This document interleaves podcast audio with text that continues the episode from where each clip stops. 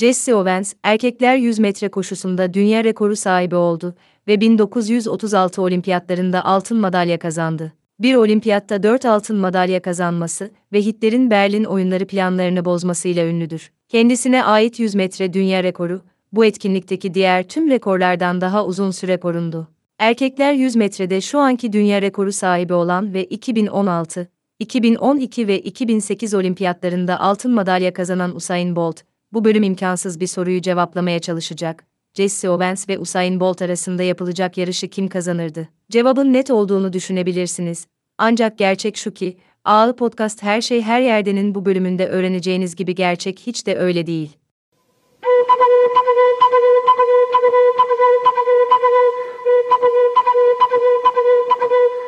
Farklı zaman dilimlerindeki sporcularla karşılaştırmalar yaparken her zaman büyük zorluklar yaşanır. Bu farklı nesillerden beyzbol oyuncularını karşılaştırmaya çalışırken yaşanan bir sorundur.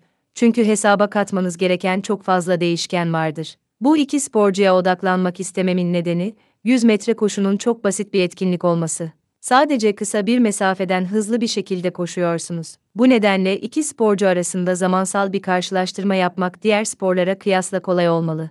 Ayrıca bu karşılaştırmayı yapmak için herhangi iki yıldızı seçebilirdim.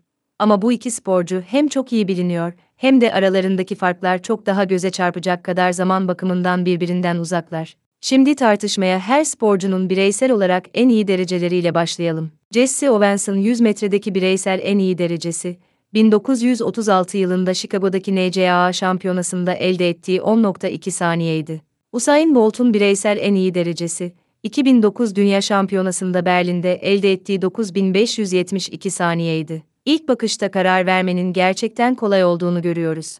9572, 10.2'den çok daha hızlı, bu yüzden tartışma çözüme kavuşuyor. Bireysel en iyi dereceleriyle aynı yarışta koşmuş olsalardı, Usain Bolt bitiş çizgisini geçtiğinde Jesse Owens onun 14 fit veya 4.2 metre gerisinde olurdu. Bu da 100 metrede büyük bir fark yaratıyor. Jesse Owens bugün böyle bir dereceyle olimpiyatlara bile katılamazdı. Keşke bu kadar basit olsaydı. Bu süreleri değerlendirirken göz önünde bulundurmanız gereken çok şey var, özellikle de Jesse Owens'ın altında koşmak zorunda kaldığı koşullar.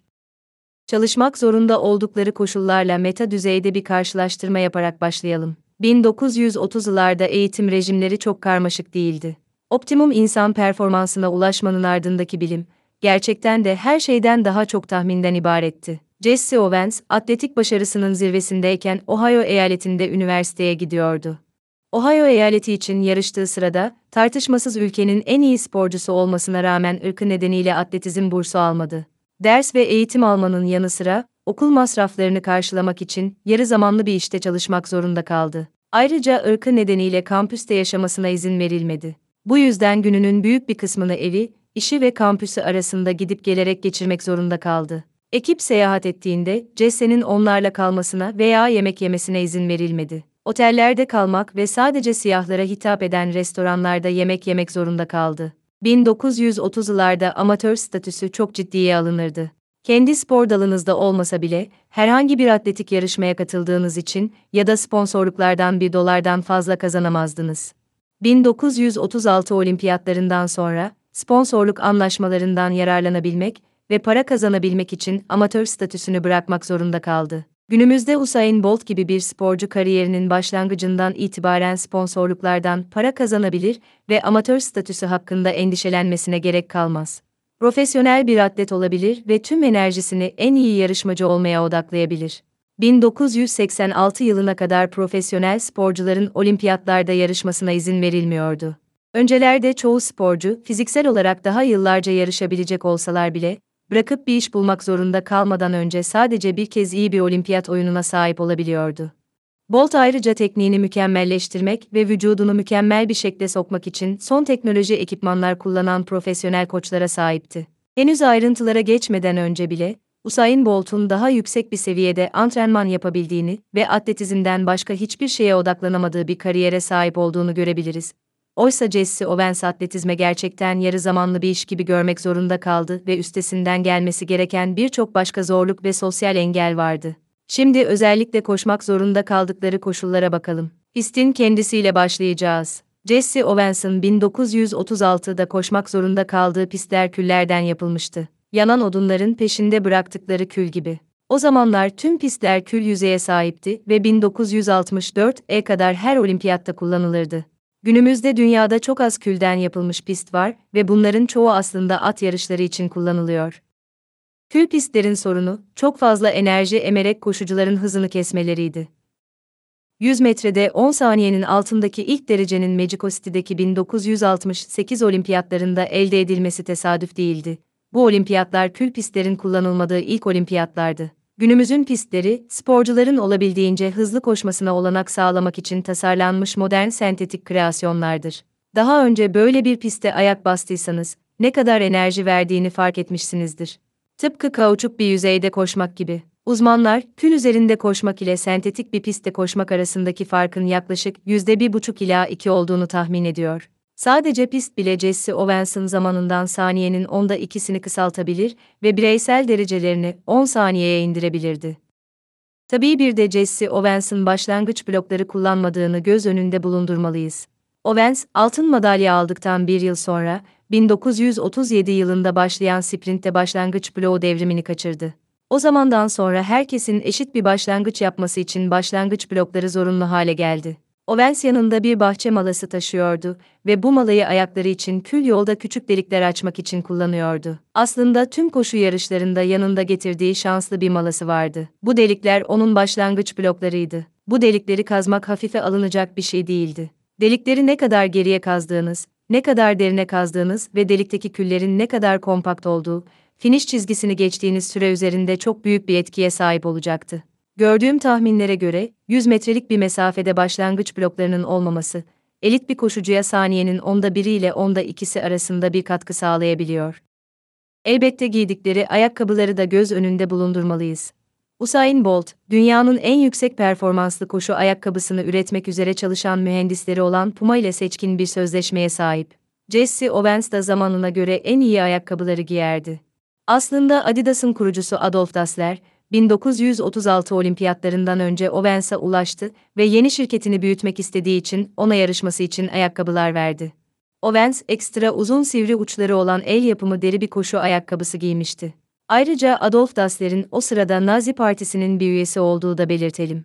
Owens, olimpiyatlarda 1936'da son teknoloji ayakkabılar giymiş olsa da, onlarca yıl sonra geliştirilecek olan kauçuk tabanlı spor ayakkabılarından hala çok uzaktaydı. Ayakkabılar ne kadar fark yaratıyor? Net olarak söylemesi zor ama saniyenin onda biri ila ikisinden söz ediyor olabiliriz.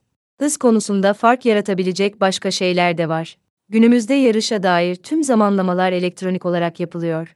Usain Bolt'un dünya rekoru süresi, bilgisayarlı sistemler kullanılarak saniyenin binde birine kadar ölçüldü. Jesse Owens'ın zamanı bir kronometre kullanılarak elle yapılırdı. Daha doğru bir şekilde ölçülmüş olsaydı, gerçekte koştuğu süreden saniyenin tam onda birinin ya da en azından birkaç küsuratın çıkarılması mümkün olabilirdi. Ayrıca yarıştaki her yarışmacının başlangıç bloklarının arkasında artık bir hoparlör var. Böylece herkes başlangıç tabancasını aynı anda duyabiliyor. Bu aynı zamanda saniyenin birkaç teorik yüzde biri de olabilir. Bütün bunlar aslında Kanada'da CBC tarafından yürütülen bir teste tabi tutuldu. Olimpiyat koşucusu Andre Degrasses'in Jesse Owens ile benzer koşullar altında koşmasını sağladılar. Degrasse, 2016 olimpiyatlarında 100 metre koşusunda bronz madalya kazandı ve 9.9 saniyelik bireysel en iyi dereceye sahip. Owens ve Degrasse benzer boyda ve kilodaydı. Deney için Owens'ın giydiğine benzer bir ayakkabı ürettiler ve onu topraktan yapılmış bir pistte 100 metre koşturdular. Ayrıca Owens'ın yaptığı gibi başlangıç blokları için delikler kazmak zorunda kaldı ve bir kronometre kullanarak zamanlamasını elle yaptılar. Bu şartlar altında ne kadar hızlı koşmuş olabilir? 100 metreyi 11 saniyede koştu, bireysel en iyi derecesinden tam 1.1 saniye daha yavaştı. Ayrıca koşunun sonunda 100 metre koştuktan sonra daha önce hiç olmadığı kadar yorgun olduğunu söyledi ve bu adamın bir olimpiyat madalyası vardı. Peki bugün ikisi de eşit koşullar altında koşuyor olsaydı, Jesse Owens Usain Bolt'u yenebilir miydi? The Sports Gene kitabının yazarı David Epstein, Owens'ın eklemlerinin hızının biyomekanik analizi, Bolt ile aynı zeminde koşuyor olsaydı 14 fit geride kalmayacağını gösteriyor.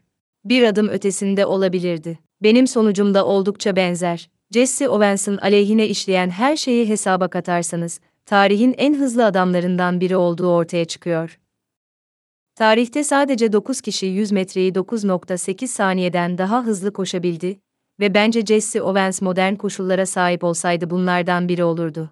Tarihte sadece 3 kişinin yapabildiği 9.7 saniyenin altında koşması mümkün. Ama nihayetinde Usain Bolt benzersiz bir örnek. Bolt 1.95 boyunda, Owens ise 1.77 boyundaydı. Bolt'un bir yarışı koşmak için ihtiyaç duyduğu adım sayısı, neredeyse tarihteki diğer tüm elit koşuculardan daha az. Owens'ın aleyhine işleyen her şeyi hesaba kattığımızda bile, yarışı kapatmak için yeterli ama nihayetinde Bolt yine de öne geçerdi.